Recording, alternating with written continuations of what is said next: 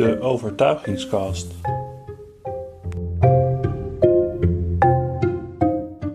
Welkom bij de Overtuigingskast. In deze aflevering gaan we het hebben over het concept consequent handelen. Ik zal je eerst vertellen waarom mensen graag consequent handelen. Daarna licht ik toe hoe je dit gegeven handig kunt gebruiken om mensen te overtuigen. Ten slotte bespreek ik een nieuwsvoorbeeld waarbij consequent handelen wordt ingezet als overtuigingstechniek. Ik zal ook voorspellen of techniek in dit voorbeeld succes zal hebben. Laten we snel beginnen. Mensen leven graag in een stabiele wereld. In een stabiele wereld komen de dingen die gebeuren namelijk overeen met het model van de wereld dat mensen in hun hoofd hebben. Mensen streven naar zowel interne, oftewel mentale stabiliteit, als externe, oftewel sociale stabiliteit.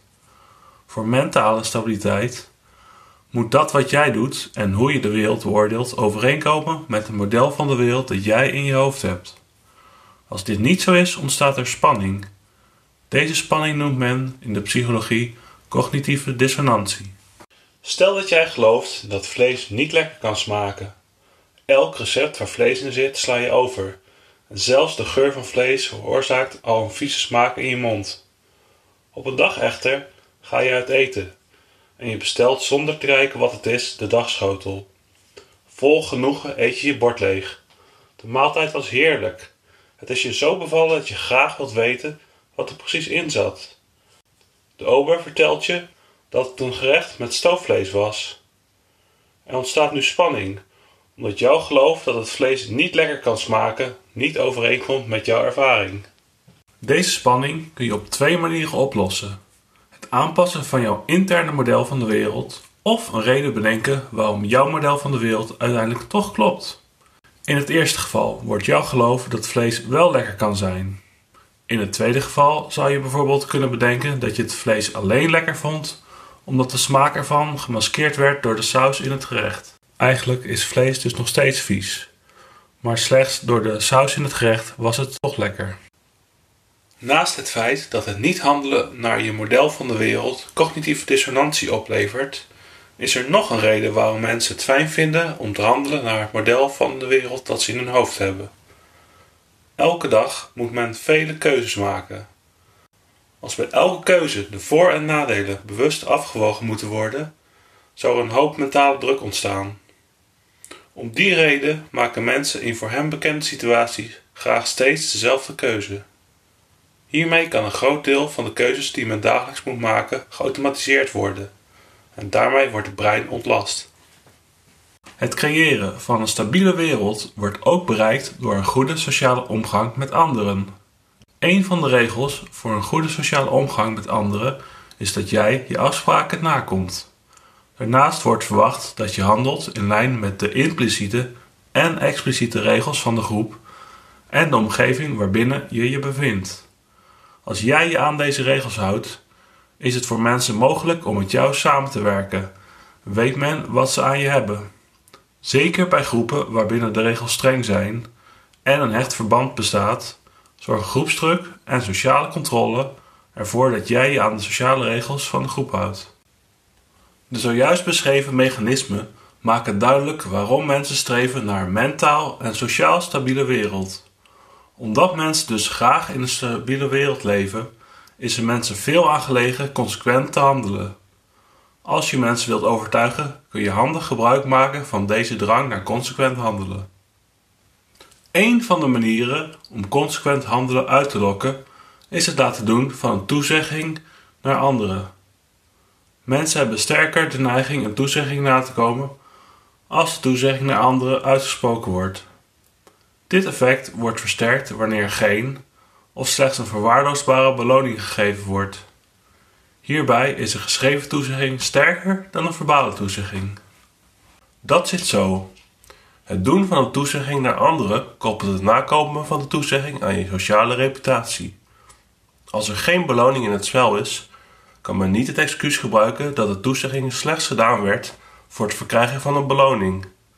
Een geschreven toezegging, tenslotte, zorgt ervoor dat men niet kan ontkennen de toezegging gedaan te hebben. Deze drie factoren die consequent handelen bevorderen, komen samen in het geven van productreviews op websites van productaanbieders. Klanten laten geschreven review achter, die voor iedereen te zien is. Hiervoor wordt geen of slechts een kleine beloning gegeven. Reviews die klanten achterlaten op de website zijn dus niet alleen een manier om nieuwe klanten te overtuigen van de positieve eigenschappen van het product, maar ook een manier om bestaande klanten middels hun eigen woorden te overtuigen van de positieve aspecten van het merk. Hiermee worden ze mogelijk tot vaste klanten van het merk gemaakt. Een andere manier om de hang naar consequent handelen in je voordeel te gebruiken is de voet in de deur techniek. Hierbij wordt een kleine toezegging gebruikt om een grotere toezegging uit te lokken. Om consequent te zijn naar de buitenwereld zal iemand na doen van een kleine toezegging namelijk eerder geneigd zijn een grote toezegging ook te doen. Deze techniek zie je bijvoorbeeld terug bij het verkopen van auto's. De verkoper zal eerst proberen de potentiële koper plaats te laten nemen in de auto, wat slechts een kleine toezegging is. Terwijl de klant in de auto zit, zal de verkoper wijzen op de positieve aspecten van het interieur van de auto. Een toezegging van grotere orde is de proefrit daarna. Als de klant ook deze toezegging doet, kan de verkoper de goede rijeigenschappen van de auto uitlichten. Indien de verkoper een geschikte auto heeft geselecteerd, krijgt de klant een positief beeld bij de auto in kwestie. Tegen de tijd dat de potentiële koper terug is van de proefrit, zal de hang om vast te houden aan het zojuist gecreëerde positieve beeld omtrent de auto zijn werk doen. De potentiële koper zal zelf redenen aandragen waarom de auto voor hem of haar geschikt is. Hierna kan de grootste toezegging gedaan worden: het daadwerkelijk aanschaffen van de auto. Een andere manier om gebruik te maken van de hang naar consequent handelen is mensen moeite laten doen voor een bepaald doel dat gelinkt is aan een bepaalde overtuiging. Als je moeite hebt gedaan om iets te bereiken, wil je graag dat je die moeite niet voor niks gedaan hebt. Daarom houden mensen zich graag vast aan een overtuiging waarvoor eerder moeite is gedaan. Moeite kan hierbij worden voldaan in de vorm van geld, de hoeveelheid tijd die erin gestoken wordt of de moeilijkheidsgraad van de daad. Een goed voorbeeld van moeite als overtuigingstechniek is te vinden bij studentenverenigingen waarbij ontgroening een vereiste is als je lid wordt. Het ondergaan van ontgroening zorgt voor een zware psychologische last. Dit kost dus moeite. Door het doen van deze moeite zal een student die lid wordt van de studentenvereniging direct een sterke binding ervaren met de vereniging. Zou de vereniging geen ontgroening vereisen, dan zou de initiële binding een stuk minder sterk zijn. Het nieuwsvoorbeeld komt dit keer uit de Verenigde Staten. Amerika is een verdeeld land. Zeker sinds de jaren 2000 is een groot deel van de bevolking van het land op te delen in twee groepen: de Democraten en de Republikeinen. Dit zijn niet slechts twee politieke groepen. Bij welke groep je je aansluit, heeft invloed op welke nieuwszender je kijkt, in welke staat je je prettig voelt en welke groep mensen je tot je vrienden kunt rekenen. Biden heeft als presidentskandidaat tijdens de verkiezingscampagne van 2020 beloofd de Democraten en Republikeinen te verenigen. Met deze verkiezingsbelofte in het achterhoofd besloot Biden als president het budget voor de infrastructuur in de VS onder te brengen in een begrotingswet, die door zowel de Republikeinse als Democratische senatoren gesteund moest worden om te worden aangenomen. Geld voor infrastructuur is hard nodig, aangezien in de VS de wegen, bruggen en vliegvelden al jaren in slechte staat verkeren. Bidens idee om het verminderen van de verdeeldheid in het land te koppelen aan het budget voor de infrastructuur maakte zijn politieke taak extra lastig. Normaliter moeten begrotingswetten in Amerika door een gekwalificeerde meerderheid van 60% van de senatoren worden goedgekeurd. Het is echter mogelijk om één keer per jaar een begrotingswet te laten goedkeuren door een simpele meerderheid van 50% plus 1 van de senatoren. Zo'n speciale begrotingswet noemt men in Amerika een Reconciliation Bill. Aangezien 50% plus 1 van de senatoren momenteel van de Democratische Partij is, had Biden de verbeteringen aan de infrastructuur eenvoudig kunnen financieren middels een reconciliation bill met steun van slechts de democratische senatoren. Biden heeft niet voor financiering middels zo'n reconciliation bill gekozen. De consequentie hiervan was dat er tenminste tien republikeinen nodig waren om zijn voorstel te steunen. In ruil voor deze steun hadden de republikeinen hun eigen eisen, die in sommige gevallen ingaan tegen de democratische agenda. De republikeinen hadden bijvoorbeeld als harde eis dat de onder Trump ingevoerde belastingverlagingen niet ongedaan gemaakt mochten worden. Ook het tevreden houden van Bidens democratische partijgenoten werd met deze stap lastiger. Sommige van hen waren het niet eens met de samenwerking met de Republikeinen, omdat deze in hun ogen vijandige partners zijn. Het was voor Biden dus een precair proces om deze samenwerking tussen de Democraten en Republikeinen op het gebied van infrastructuur voor elkaar te krijgen. Het slagen van deze samenwerking werd dan ook gezien als een grote overwinning voor Biden en de eendracht in het land. Erik Moutaan van RTL Nieuws presenteert het feit dat zowel democratische als republikeinse politici Bidens infrastructuurwet steunen, bijvoorbeeld als volgt. Eindelijk wordt er iets gedaan aan infrastructuur. Maar Joe Biden laat ook zien dat hij kan samenwerken met republikeinen. Hij had beloofd een eind te maken aan het eeuwige gevecht tussen links en rechts. En dit is een eerste stap. Om de kans te vergroten dat zo'n samenwerking met de Republikeinen nogmaals zal plaatsvinden, maakt Biden gebruik van twee overtuigingstechnieken. Ten eerste gebruikt hij wederkerigheid. Deze overtuigingstechniek wordt in detail behandeld in de vorige aflevering. Hij steekt er moeite in om de infrastructuurwet op een verbindende manier goed te laten keuren, door tegemoet te komen aan wensen van de Republikeinen en de wet niet via een reconciliation bill te regelen. De hoop is hiermee dat de Republikeinen in ruil hiervoor bij een volgende wet ook moeite willen doen om samen te werken met Biden. Ten tweede maakt hij gebruik van de voet in de deur techniek.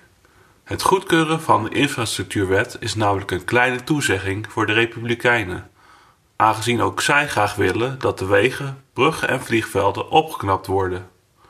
Als de Republikeinse senatoren eenmaal de infrastructuurwet hebben goedgekeurd, smaakt deze samenwerking hopelijk naar meer.